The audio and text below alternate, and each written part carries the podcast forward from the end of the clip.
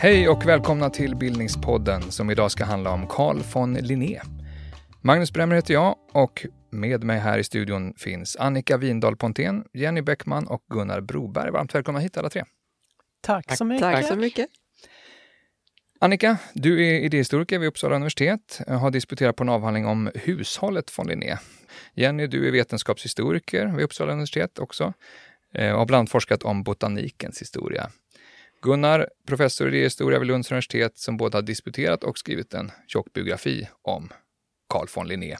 Gunnar, du får börja. För lyssnaren som aldrig har hört talas om honom, vem var Carl von Linné? Ja, jag kan börja lite storslaget. För några år sedan, kanske det var 2015, så hade Wikipedia någon sorts bibliometrisk undersökning om den viktigaste personen de sista 3500 åren då gick man igenom 25 olika versioner av Wikipedia. Och nummer tre var Jesus på, på denna lista. Nummer två var Adolf Hitler. Och nummer ett var Carl von Linné. vad, vad, säger, vad säger det då Gunnar? Som är med oss på länk från Lund ska vi tillägga också. Det säger att han måste ha någon viss betydelse. Det säger också att sådana här bibliometriska undersökningar är ganska diskutabla. Mm. Ska jag inte fördjupa mig i detta. Kan du sätta några ord på vem han var? Ja, han hette för, från början egentligen Carl Linnaeus. Och så när han eh, genom sin karriär steg i graderna så fick han adelsnamnet Carl von Linné. Men i Sverige säger vi alltså Carl von Linné, men i utlandet oftast Carl Linnaeus. Född 1707, 23 maj och gick i skola i Växjö, universitetet i Lund, Uppsala, doktorerade i Holland efter en veckas undervisning eller förberedelser. Och sen jobbade han några år i Holland, reste till England och Frankrike. Men sen åter till Stockholm och framförallt till Uppsala där han var professor från 1741 till sin död 1778, 10 januari. Och han brukar kallas botanikens första Princeps botanicorum. Men eh, för mig är det viktigt att säga att han var mer än så. Alltså han hade på sin eh, meny också mineralriket och eh, djurriket. Annika, om du ska säga något konkret om vad han har lämnat efter sig, vad har vi kvar efter Linné? Ja, det finns ju ganska mycket kvar när det gäller materiella föremål och samlingar av olika slag. Det som många kanske tänker på och känner till är förstås böcker, alla böckerna. De tryckta böckerna, hans eget bibliotek, hans egna samlingar med naturalier. Men det finns ju också en massa andra saker som man kanske inte tänker lika mycket på. Alla breven är nog rätt så välkända, men det finns andra manuskript. Jag är speciellt förtjust i föreläsningsanteckningar till exempel. Det finns eh, eh husen, byggnaderna som de bodde i. Flera stycken finns kvar i ganska ja, eh, bra skick så att säga. Det är klart att det har hänt saker sedan 1700-talet i dem också. Eh, sen finns det ju en stor samling med eh, föremål som var bohaget, som, var, som de hade omkring sig hemma i form av möbler och glas och porslin och silver och textilier och kläder och sånt också. Och vad, säg något kort om vilka typer av skrifter det handlar om, hans liksom samlade verk. Så. Ja, det... Gunnar har antytt att det handlar om mer än botaniken bara, som det vi kanske associerar främst med Carl von. Ja, det stämmer. Men, men det är ju eh, naturligtvis ganska mycket som är vad vi skulle kalla botanik. Då kanske man sa naturalhistoria snarare. Och det är ju en, en blandning av dels det som är representerat av naturens riken då så att säga. Men sen kan det också vara sånt som anknyter till medicin. Han var ju professor i medicin så det finns ganska mycket medicinsk litteratur naturligtvis också. Alltså och privat, dels, privat läkare och ett antal personer också väl? Ja, han var ju verksam som, som läkare innan han blev professor i Uppsala i Stockholm till exempel också.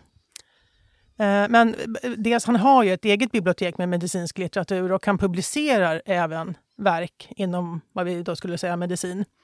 Men sen är det ju också resorna till exempel. Han reser ju i Sverige framför allt och där täcker han ju ytterligare ämnesområden som kanske inte ryms riktigt varken i botanik eller medicin eller zoologi utan han beskriver hur folk lever och eh, högtider och fester där han reser och andra sådana saker också. Mm. Vi ska återkomma till flera av de här sakerna. Eh, Jenny, han är liksom en, eh, en, en gigantisk svensk kulturhistoria någonstans och även då kanske en av vår, kanske den mest kända eh, svensken i historien. Eh, vad är det för olika typer av arv vi har efter Linné idag? Kan du ge oss liksom en överblick?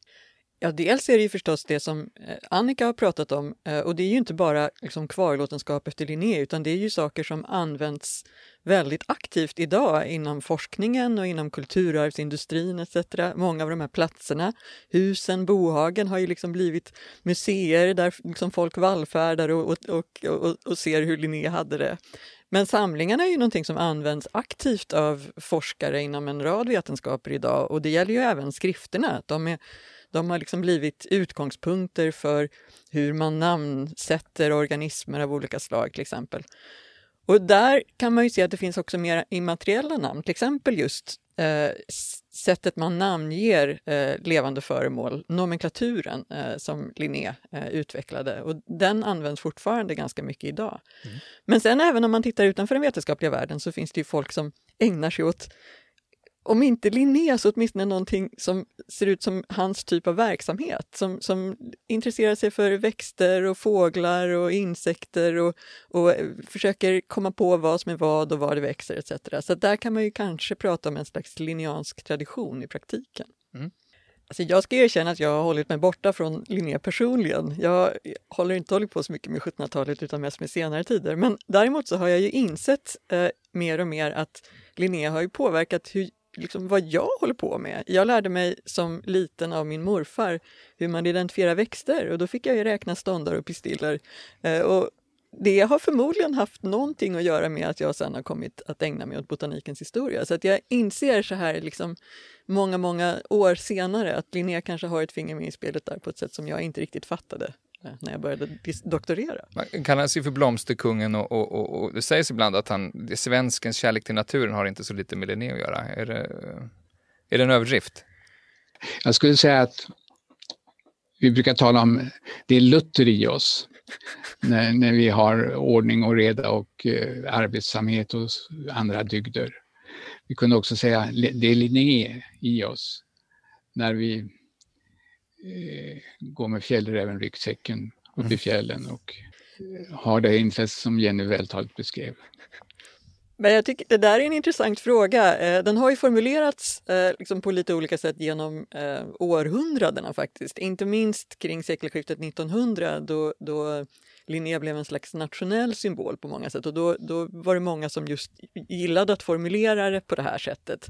Eh, inte minst eh, den mest berömde är kanske en statistiker som heter Gustav Sundberg som medverkade i den stora emigrationsutredningen i början av 1900-talet som ju handlade om att försöka utreda varför, bland annat varför folk lämnade Sverige. Mm. Så att, eh, där försökte han ju kartlägga det svenska folklynnet och då var just den här kärleken till naturen och Linnés roll i den liksom en viktig ingrediens. Mm. Samtidigt så skulle jag ju säga att, att eh, eh, någon roll spelar det, men det beror ju också på, inte bara Linné själv, utan för att folk genom dessa århundraden också har valt att framhäva Linné och Linnés verksamhet i massa olika sammanhang, till exempel skolan. Så det har ju gjort att Linné har hängt kvar och då kanske just den här natur, det här naturintresset, eh, att det har funnits en grogrund för det eftersom folk har fått stöta på det i skolan, de har stött på det i, liksom, i annan litteratur och sånt där. Så då, då, då finns det ju en slags grogrund för det här, eh, även om ju många andra länder eh, delar den här lutherska mm. bakgrunden och mm. sånt där. Men här har det ju liksom då kommit att framhävas som en särskilt svensk dygd.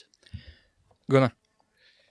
Jo, men Linné hade med sig och gav vidare dels en Flora Svesica som är alltså en direkt handbok för ett sorts naturintresse och en Fauna Svesica som han lanserar begreppet fauna som också då ska täcka de svenska djuren.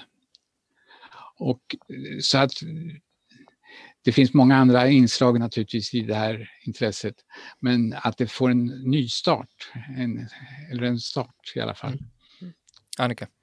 Jo, jag, här, jag tycker det är en svår fråga det här också och det är klart att det finns någonting som um, har att göra med Linné på många sätt här. Inte minst har ju många refererat till Linné när man har gjort såna här ansatser och insatser av olika slag för att också sprida intresset för natur eller växter och så. Eh, och sen hur mycket av det här som är Linné själv och hur mycket som är linneanskt, det är ibland en ganska svår fråga tycker jag. Alltså vad man har gjort, hur man har förvaltat Linné? Ja, att det liksom det, det, finns en koppling mellan det svenska naturintresset, hur det nu är så att säga, och Linné. Men den där linjen är inte alltid så rak som man har velat framhålla kanske. Den finns, men den kanske är lite krokigare mm, mm. än man tänker sig ibland, tror jag. Finns det någon vanlig missuppfattning som ni, som ni, ni möter när ni eh, pratar om Linné och Linné-relaterade saker som ni vill rätta ut nu så här i början? Ja, en missuppfattning som väl kanske inte så många hyser längre, men att han upptäckte att växterna hade sexualitet. Mm. Det fanns redan tidigare.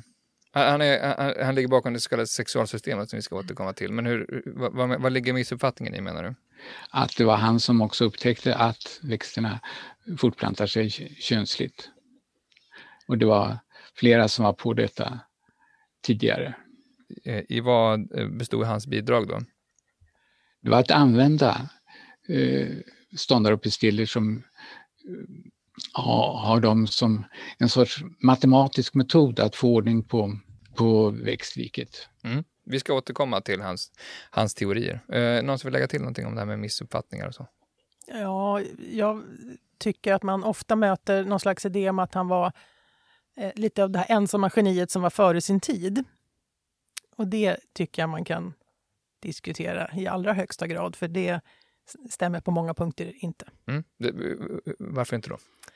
Därför att eh, ja, dels är ju hela genikulten liksom problematisk och kommer lite senare än Linné, så att säga. Eh, och dels var han absolut inte ensam. Man gör honom till ett geni ja, i efterhand, när det blir efterhand. populärt att prata om genier. Ja, mm. precis. Och han var absolut inte ensam heller, utan det finns ju mycket som handlar om samverkan med andra, om nätverk, om eh, ett kollaborativt sätt att arbeta. Jenny? Ja, kanske lite i anslutning till vad Annika sa, eh, det är ju lätt att, att, att, tänka sig att Linné alltid har sett som det här geniet eh, och den här portalfiguren och, som man liksom kan hylla i nationella sammanhang, i vetenskapliga sammanhang etc. Men folk har ju varit rätt kluvna till Linné skulle jag säga eh, under hela den här perioden.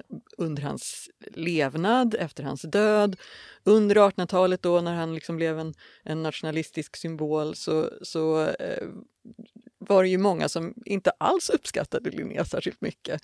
Eh, och så är det ju också även idag. Så att den här, den här eh, piedestalen som han har satts på, den är ju ganska mycket bräckligare kanske än man kan tro. Mm, Okej. Okay. Eh, Gunnar, du som har skrivit biografin, om han var med oss här idag i, i studion, hur, hur skulle vi uppfatta honom? Hur var han som person? Ja, det vore intressant onekligen att ha honom med. Han skulle vara väldigt förundrad över de här manickerna som vi pratar i och Eh, men vi, vi skulle nog vara förundrade över hur liten han var.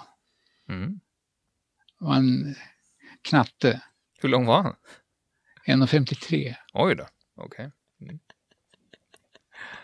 Alltså, om jag ska prata om min egen lilla bok, så finns det här ett fatalt tryckfel. Eh, är det det du ska ta upp? du har säkert en poäng med det. Han var 1,53 centimeter lång. Okej. Det var lite väl kort. Ja. var lite men, väl. Men en, and, andra personlighetsdrag? Ja, han har en väldigt stark självkänsla som han vittnar, visar i alla möjliga sammanhang. Att han vet bäst och han har gjort mest. Och de här självbiografierna som kanske inte ska kallas självbiografier utan de är en sorts meritförteckningar och ungefär som när vi söker till forskningsråden pengar om, så räknar vi upp meriter och också hur viktigt det är och allt sånt där.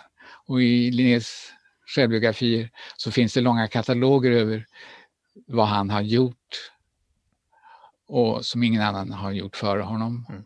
Och jag skulle kunna läsa, bara jag tog fram här, här är en självbiografi. Ingen har med större flit drivit sin profession och haft flera auditores. Ingen akademiträdgård varit besådd med flera slags utländska frön. Ingen arbetat historia naturalium bättre. Ingen skrivit flera böcker av egna observationer. Ingen korresponderat flitigare och lärda med lärda in och utom Europa. Ingen reformerat en hel vetenskap. Ingen gjort system i stenar, insekter, alltså det fortsätter. Mm. Eh, finns det andra, eh, andra som har beskrivit honom på något sätt som är värt att nämna? Ja, alltså det finns eh, motstridiga beskrivningar där då eh, det blir ofta besökare som har hört talas om honom och får besannat att han är en mycket charmerande person. Och, men det finns också någon som fångar in honom mitt i verket, en tysk som heter Johan Beckman som träffar Linné i bokhandeln i Uppsala. Och Linné kommer instörtandes, han har varit ute vid Hammarby, sitt sommarställe. Och han är alldeles svettig, ganska schwitzig. Och det är precis sådana ögonblicksbilder man vill ha. Mm.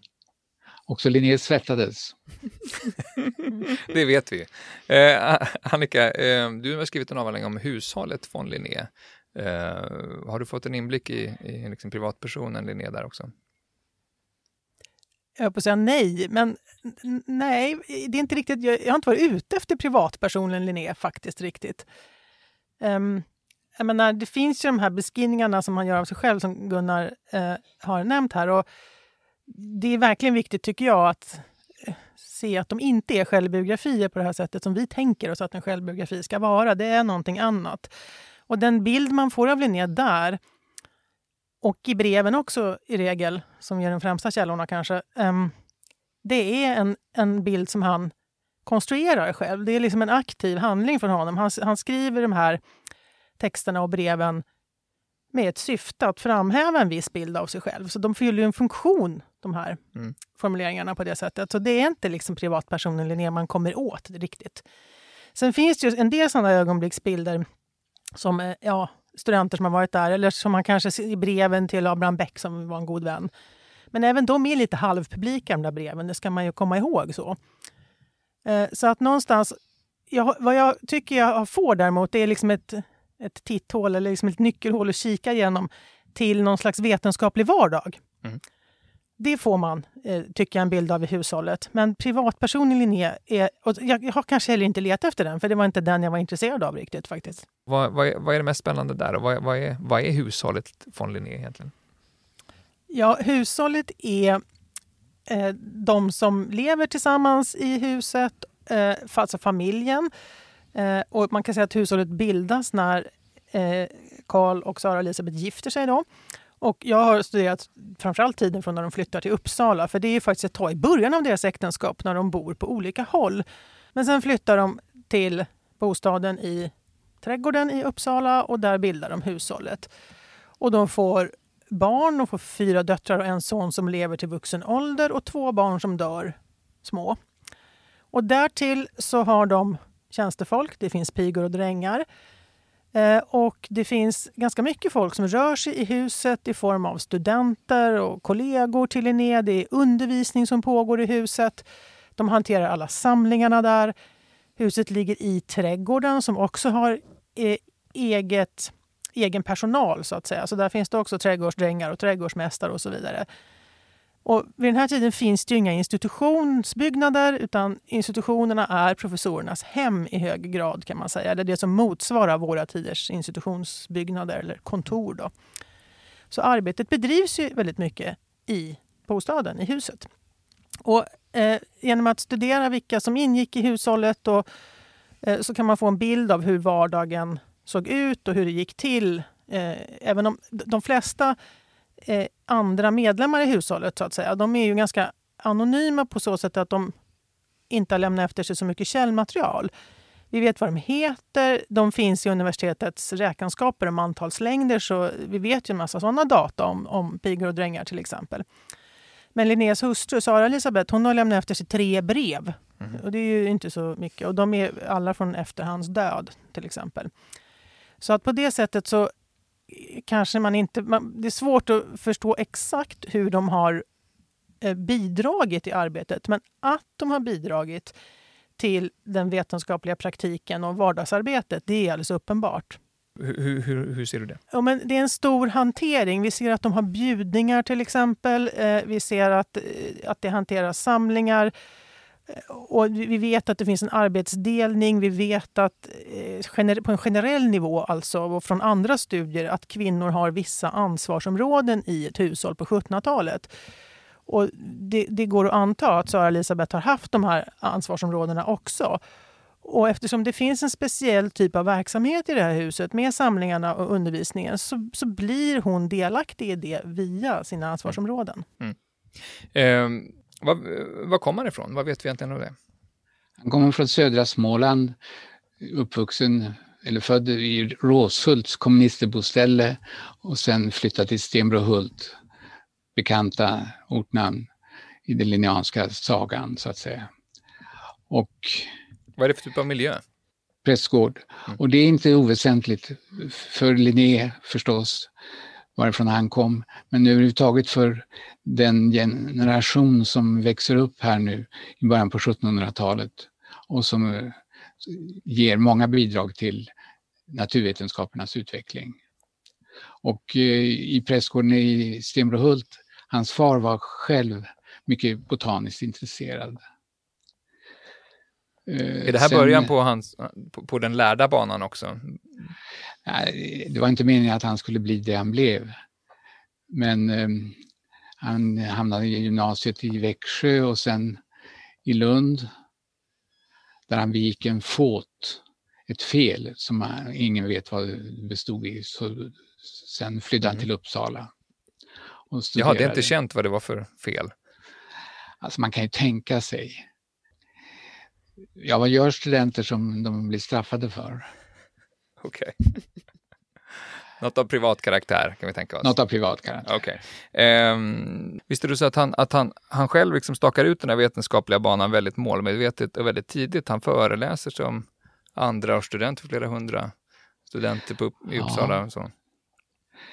Jo visst, han hade redan då en sällsynt kunskap om växtvärlden och sen var han en livfull föreläsare och eh, gick ibland ganska långt i sitt bildspråk och lite, lite skandal kan det kanske ha funnits kring detta också. Vilken typ av skandal? Ja, när han talar om växternas könsliv så är det känsligt. Man menar. okay. Mm. Men han väckte uppmärksamhet tidigt. Ja. Han, vad, vad, tror, vad kom den här målmedvetenheten ifrån? Jag tror också att det, han har en eh, förståelse för och en slags smarthet i hur han ska ta sig fram eh, karriärmässigt.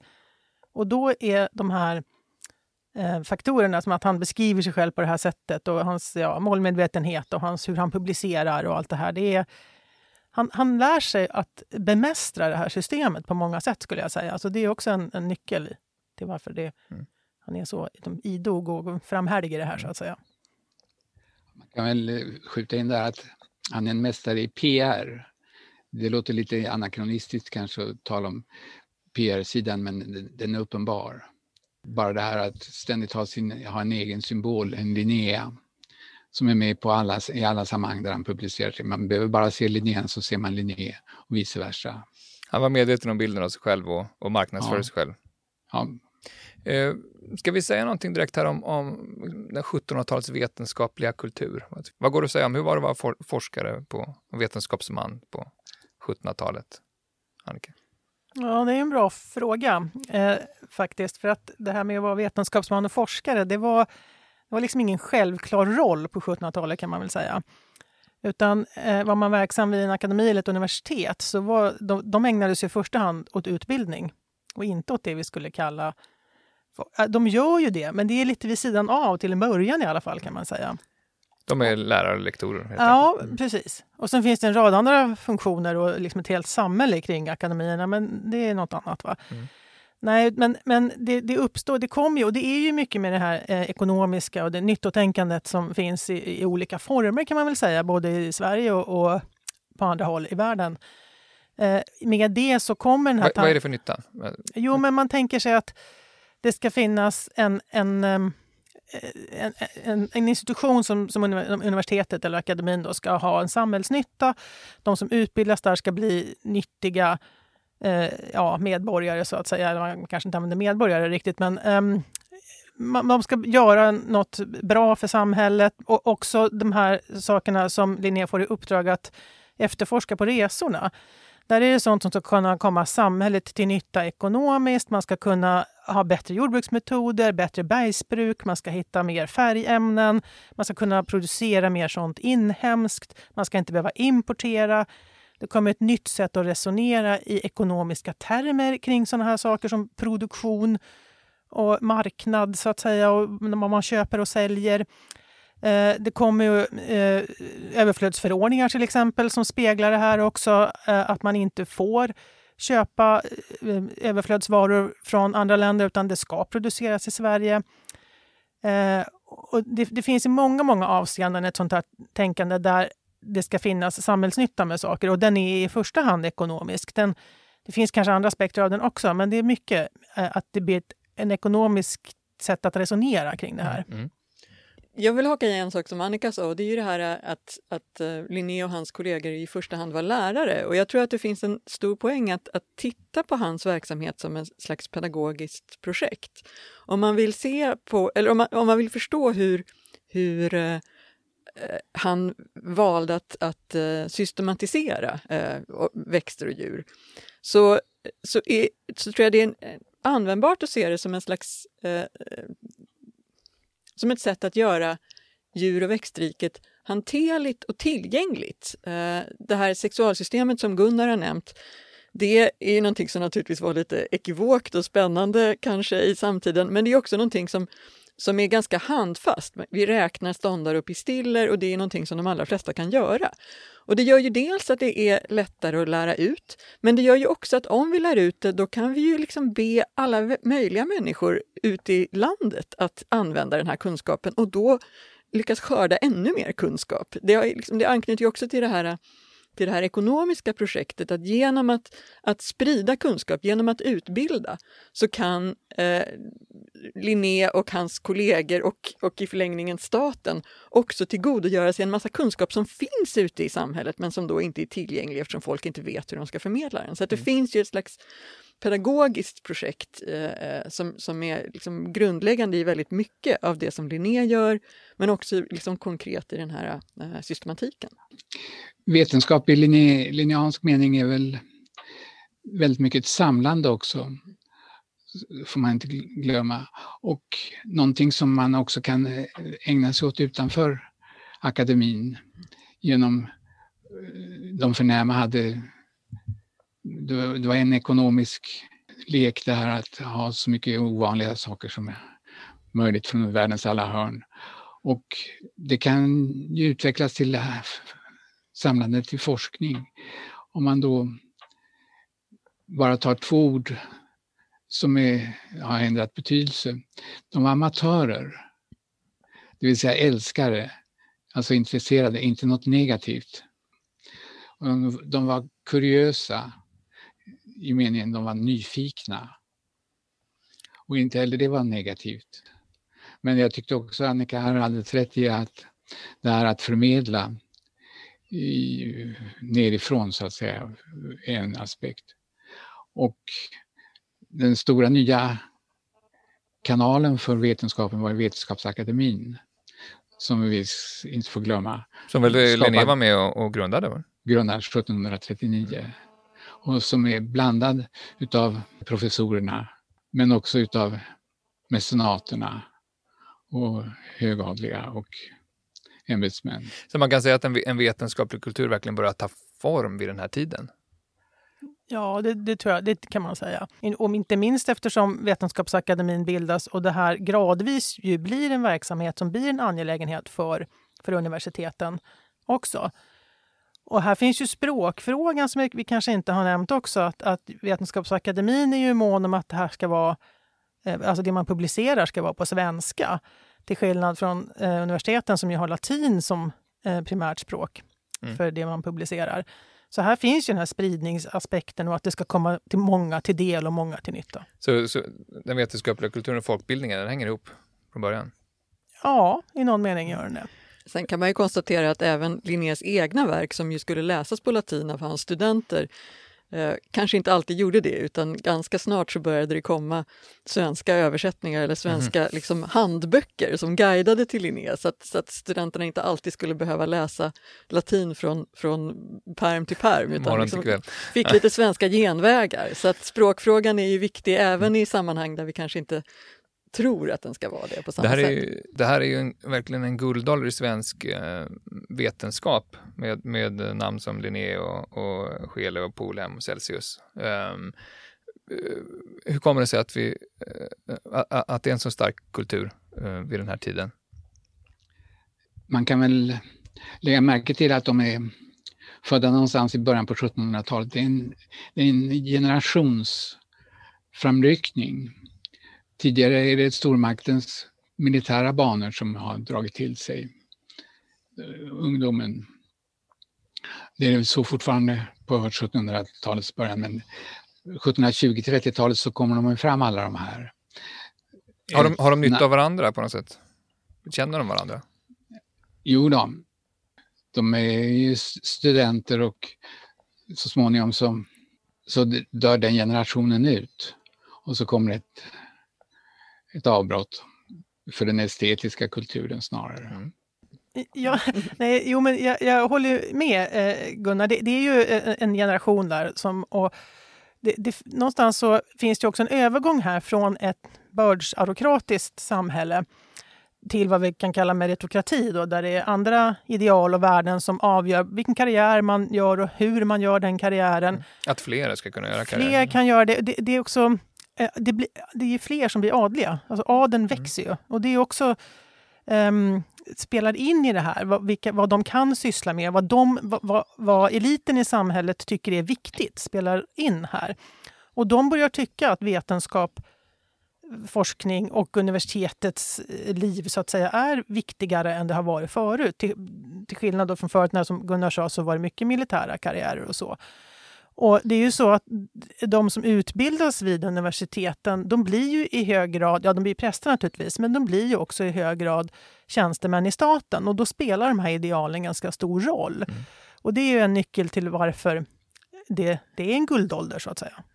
Ja, många av de här som du nämnde eh, är ju också verksamma inom liksom inte, inte bara och kanske inte ens i första hand inom eh, universitetsvärlden utan de är anknutna till till exempel Bergskollegium, så de är, så de är engagerade i gruvnäringen, de, liksom de hör hemma i massa olika sådana sammanhang. Så att det här ekonomiska eh, tänkandet som, som vi var inne på förut, det är ju också viktigt i massa andra sammanhang och för massa andra institutioner. Så att, så att då, då kan de ju utveckla sin kunskap i relation till liksom, praktiska verksamheter men också då i relation till varandra. Och då, om man ska återkomma till Vetenskapsakademin så var ju det en organisation, även om den inte var så jättestor, eh, åtminstone till en början, där många av de här eh, personerna kunde träffas eller åtminstone korrespondera eh, och hålla koll på varandra. En av de tidiga sekreterarna i, i Vetenskapsakademin, eh, astronomen Vargentin, han har skrivit i ett brev att astronomins halva liv är i korrespondensen. Och Det tycker jag är så vackert och det, liksom, det illustrerar just det här att kontakten och liksom utbytet av information mellan de här människorna var liksom en så stor del eh, av vad som gjorde dem framgångsrika. Eh, 1735 då, 28 år gammal, för tillfället verksam i Nederländerna, så utkommer Linné med Systema Nature, naturens system. Eh, hans magnum opus får man väl säga ändå, det han är mest känd för. Va, vad är det här för verk? Ja, det är ett magnum opus som blir större och större från 1735 till slutet på 1760-talet så växer arbetet från att vara sju folioark till att vara över 2000 sidor. Alla organismer som han har sett och kunnat beskriva och namnge.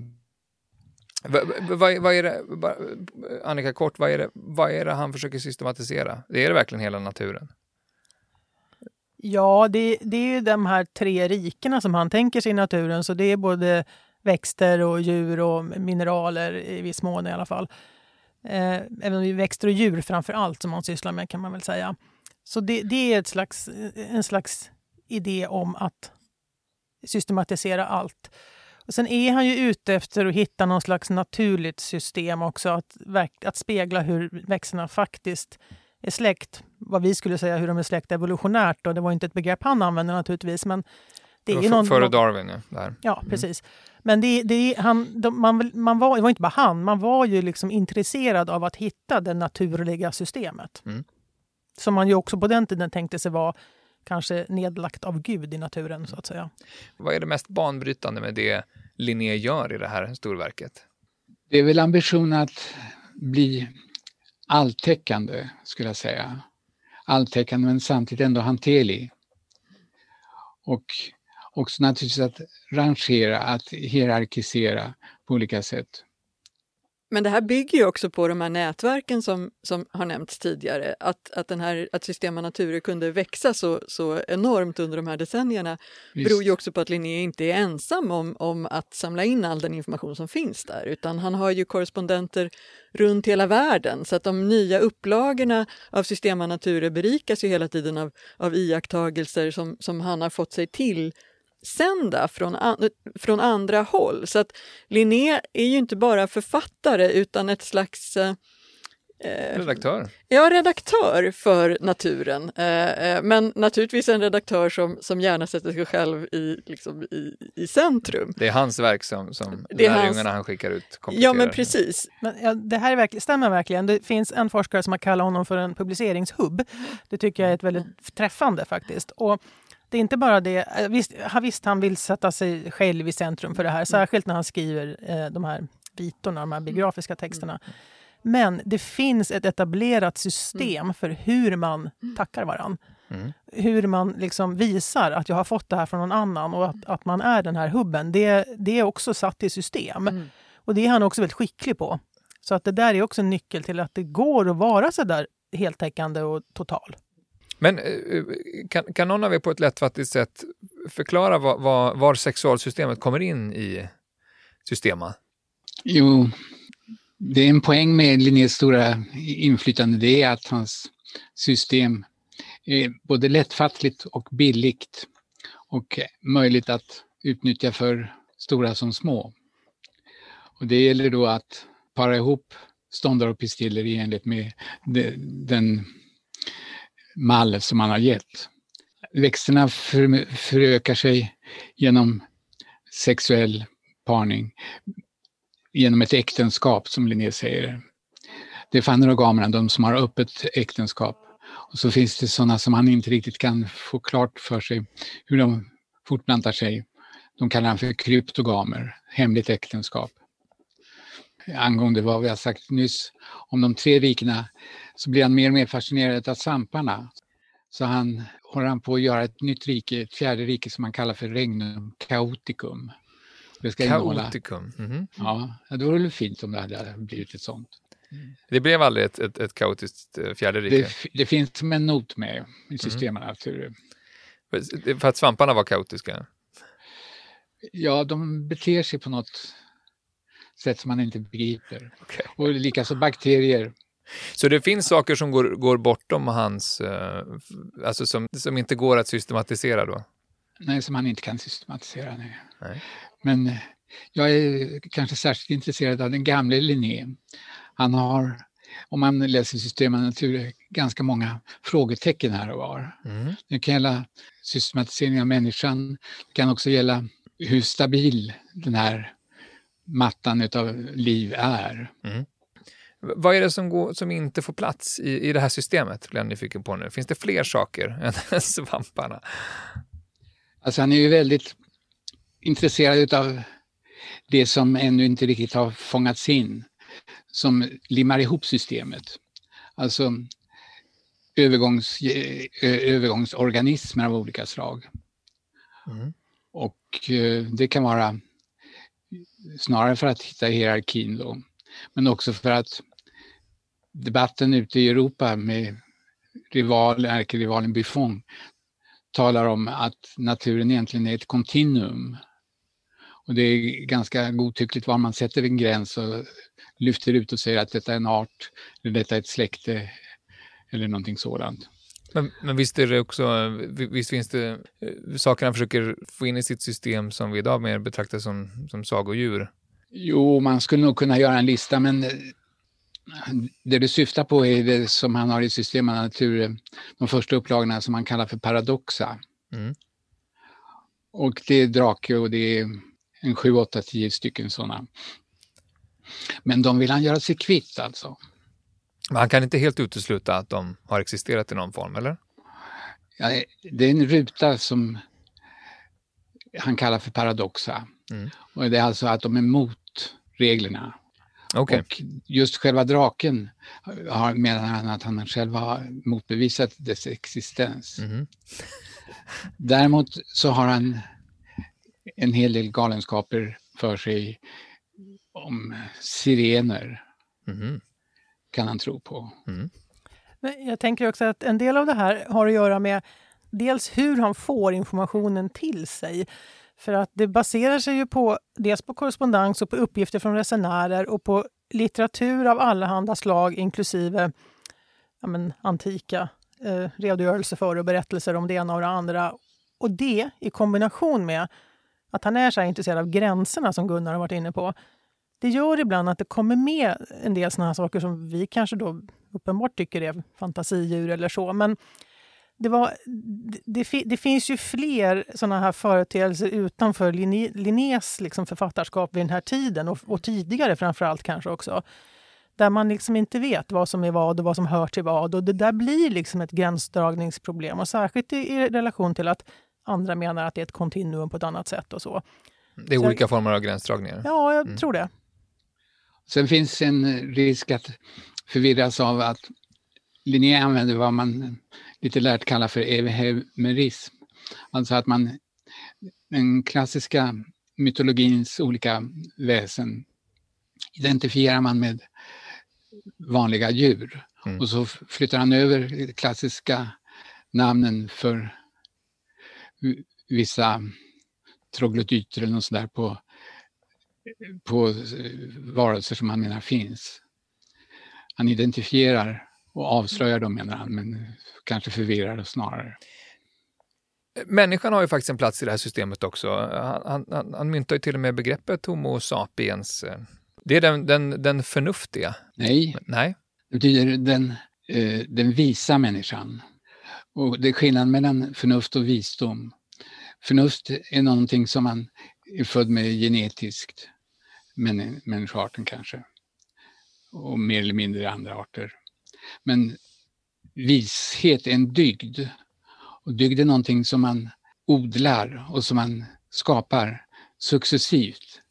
Och som man kan avstå från att odla. Så att som Linné beskriver Homo sapiens så är det villkorat. Vi är Homo sapiens eller Homo sapientes om, om vi lär oss det och det om naturen, om vår plats, om vilka vi är, teologiskt, religiöst, medicinskt och så vidare. okej, så Homo sapiens, det är inte människosläktet i stort egentligen, utan det, är, eh, det krävs lite av dig för att bli Homo sapiens som människa. Alltså alla har den möjligheten men alla är inte värda att kallas med detta namn. Här någonstans är det också där, där man brukar komma in på, på eh, rasismens historia, rasbiologi och sådana här frågor när, när det gäller Linnés eh, klassificering just av, av, av människan. Va, va, vad är det han säger egentligen i det här verket? Hur, hur, hur kommer människan in och, och olika folkgrupper och så? Jo, ehm, um, Linné tänker sig att människan är en art. Sen delar han in den i varieteter. Han använder inte begreppet ras, det är senare. Så i den meningen är han inte rasbiolog, det är en senare företeelse. Men de här varieteterna, de knyts då till ja, världsdelar, till hudfärg, till temperament och till vissa egenskaper. Och så är de ju ordnade i en lista. Kan du ge lite exempel på vad man förstår vilka typer av kategorier det handlar om? Ja, till exempel att eh, europeen är, har, är vit. Då. Mm. Ja. Och europeen är eh, idog och uppfinningsrik, till exempel. Och sen, eh, sen finns det en del andra eh, varieteter som... Det, det här förändras nämligen i olika upplagor av System och Nature, så det här är inte statiskt, det här är ganska dynamiskt. Och man märker att det är ett problem för Linné, kan man säga det här också, en svå- en svårighet. Eh, och eh, det finns de här som har kallats monstruosi till exempel, som, kom, som finns ibland men inte alltid med. Eh, vad för något? Alltså avvikande Okej. kan man väl närmast säga Mm. att det skulle Mm. vara.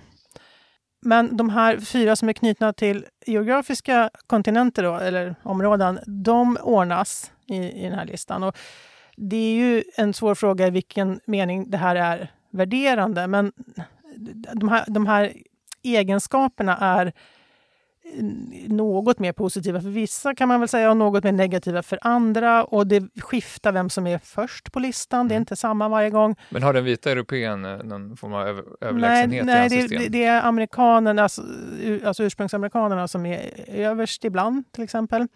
Alltså ursprungsbefolkningen i USA? Ja, Mm. med, medans eh, af- afrikaner och asiater alltid är de två i botten. Okej. Men så är det inte den vita europeen som är i topp? Inte alla gånger, ibland. Ibland? Okej. Eller hur Gunnar? Ja, visst. Och det är viktigt att hålla isär att det är inte statiskt. Den femte varieteten, Monstrosus, är med. Inte för att det är någon speciell folkgrupp. Eh, I Linnés föreläsningar så lägger han ut det där mycket att Monstrosi är sådana som eh, lindar sina barn hårt så att de får en speciell ansiktsform.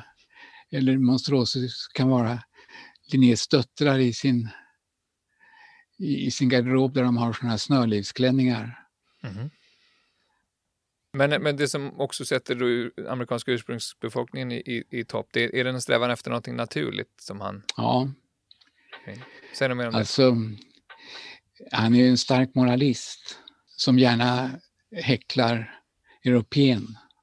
Fransoserna är de mest onaturliga medan samerna är naturliga och virginianerna, alltså indianerna eller den amerikanska ursprungsbefolkningen, är också ursprungliga. Så det är alltså någon sorts återgång till någon sorts paradisisk med naturen le- Mm, okej. levnad som det är. Men så man kan säga att han, det är inte helt klart hur, hur, hur, hur hög grad hans system är värderande. Det är inte, om det är värderande så är det inte värderande på det sätt man kanske föreställer sig att det skulle kunna vara. Det senare tycker jag du formulerar rätt. Mm, Okej, men, men det, det här är ju ändå en tid, alltså, om vi pratar rasismens idéhistoria så är det ju, eh, den får sin moderna form på 1800-talet, men det är ju en tid här av klassifikation, att vilja inordna Mm. människan på olika sätt. Eh, Är, är man inte del av någonting som, som, som bidrar till vad som kommer senare? Jo, jag skulle ju säga att det, det finns ju en sån koppling ändå. Därför att vissa formuleringar, eh, både hos Linné men hos andra i samtiden också naturligtvis, det är inte bara Linné som ägnar sig åt det här heller. De är väldigt stereotypa, de kan vara nedvärderande och nedlåtande på ett sätt som vi inte skulle acceptera idag. Och det här gör- det här gör man ju lite olika saker av. Olika personer yttrar sig på olika sätt under 1700-talet, agerar på olika sätt under 1700-talet också. Det är inte enhetligt. Eh, jag menar 1700-talet är en period när det finns abolitionism till exempel, alltså arbete mot slaveri till exempel. Eh, och det är en, en period när man liksom börjar arbeta i någon slags vetenskaplig rasistisk liksom riktning, även om det är också en ganska krokig linje till senare tiders rasism. Men det finns definitivt en sån koppling skulle jag säga. Men den är ganska komplicerad. Om jag ska lägga till någonting till det där så är det väl det att, att eh, det här med att sortera Eh, det är ju många som sorterar saker genom historien, både vetenskapligt och utanför vetenskapen. Och på många sätt är väl det inte särskilt problematiskt. Man sorterar ehm, sina kläder i garderoben, liksom man sorterar sina strandfynd. Men det som blir problematiskt i det här fallet är ju om vi lägger något värde i den här sorteringen och bestämmer oss för att, att vissa saker, för att de är sorterade på just det här stället, är mycket mer värda än saker som liksom ligger på andra ställen i systemet. Då kan det bli problematiskt. Och när, när vi tillämpar den principen på människan, då hamnar vi ju i en, en värdering av, av människor utifrån kategorier som vi förmodligen då har uppfunnit själva. Eh, så, att, så att det här att sortera och klassificera eh, är inte nödvändigtvis problematiskt men kan lätt bli det. Mm. Och där är ju Linné en av väldigt många som har gjort det här. På många sätt, du, du nämnde ordet rasbiologi. Det här är ju någonting som, som eh, kanske är ännu mer kanske ännu mer genomsyrar både samhället och vetenskapen hundra år senare. Mm. I slutet av 1800-talet så sorteras ju stenyxor och, och, insekter och människor och alla möjliga saker eh, och inte bara eh, vetenskapligt utan även, även politiskt mm. och, och liksom socialt. Okej, okay, men det här är ju, nu börjar vi röra frågan om Linnés arv någonstans. Eh, och, ehm, Eh, vad skulle ni säga om man pratar om systemanaturer? Vad, vad, eh, vad i den är fortfarande saker som vi betraktar som korrekta, som så att säga, vetenskapen idag fortfarande bygger på? Man kan väl säga det vi slutade med nyss, att sortera och klassificera människan i systemanaturer som, ett, som en del av djurriket. Det är rätt, korrekt. Mm.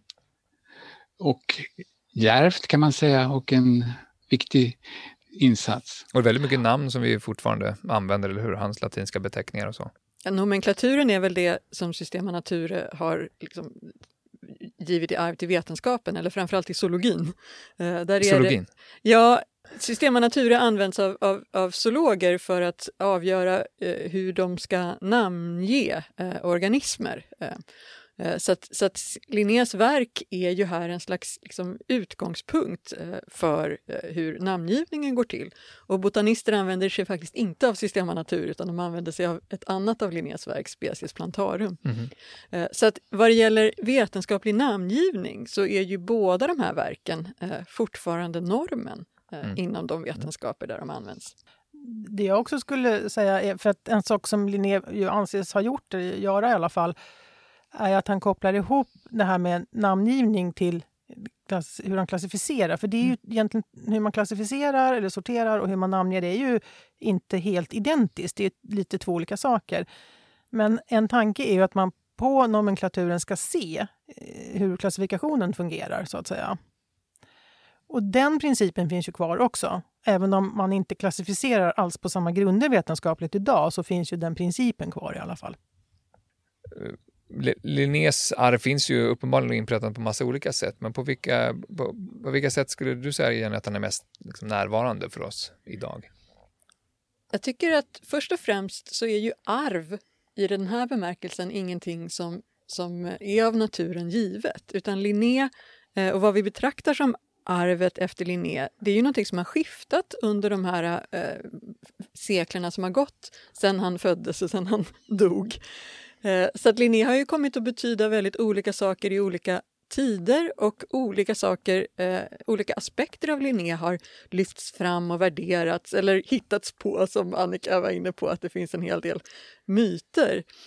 Eh, så att, så att arvet är ju någonting som är föränderligt men arvet är ju också beroende av att någon vill framhålla det.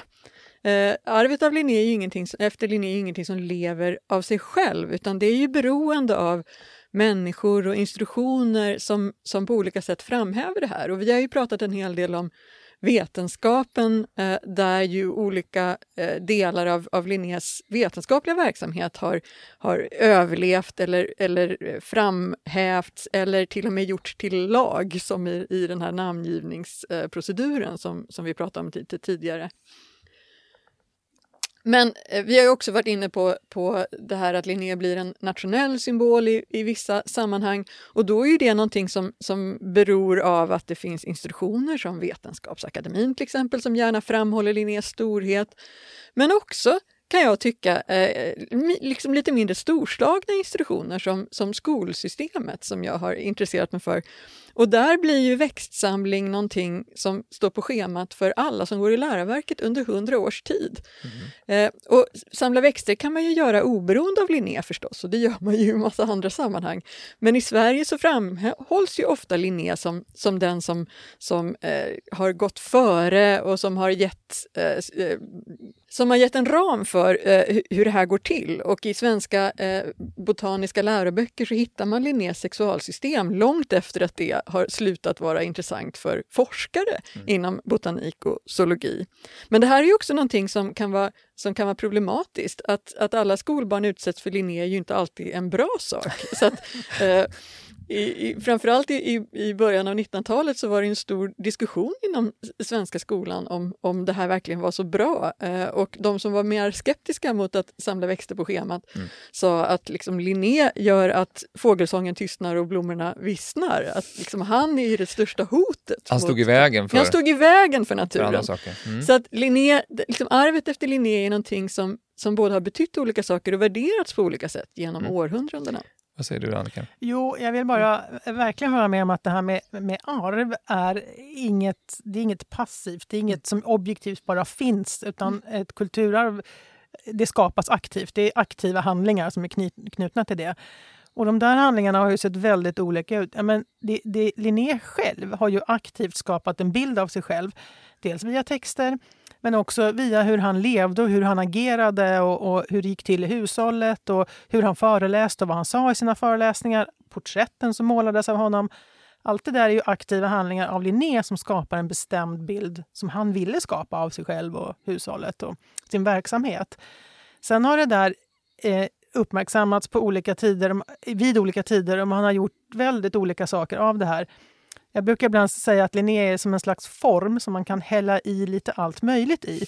Och vad som hälls i är helt beroende på vilken tid det görs i.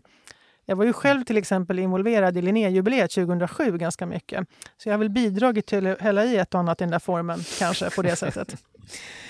Det får bli dagens sista ord. Jag tackar Annika Windahl Pontén, Gunnar Broberg och Jenny Bäckman för att ni ville vara med i Bildningspodden. Tack, tack, tack för att vi fick tack, komma. Tack. Eh, tack också ni som har lyssnat. Vi är snart tillbaka med ett nytt avsnitt. Tack och hej för idag.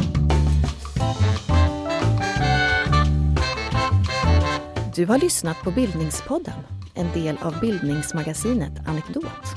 Fler poddar, filmer och essäer hittar du på anekdot.se.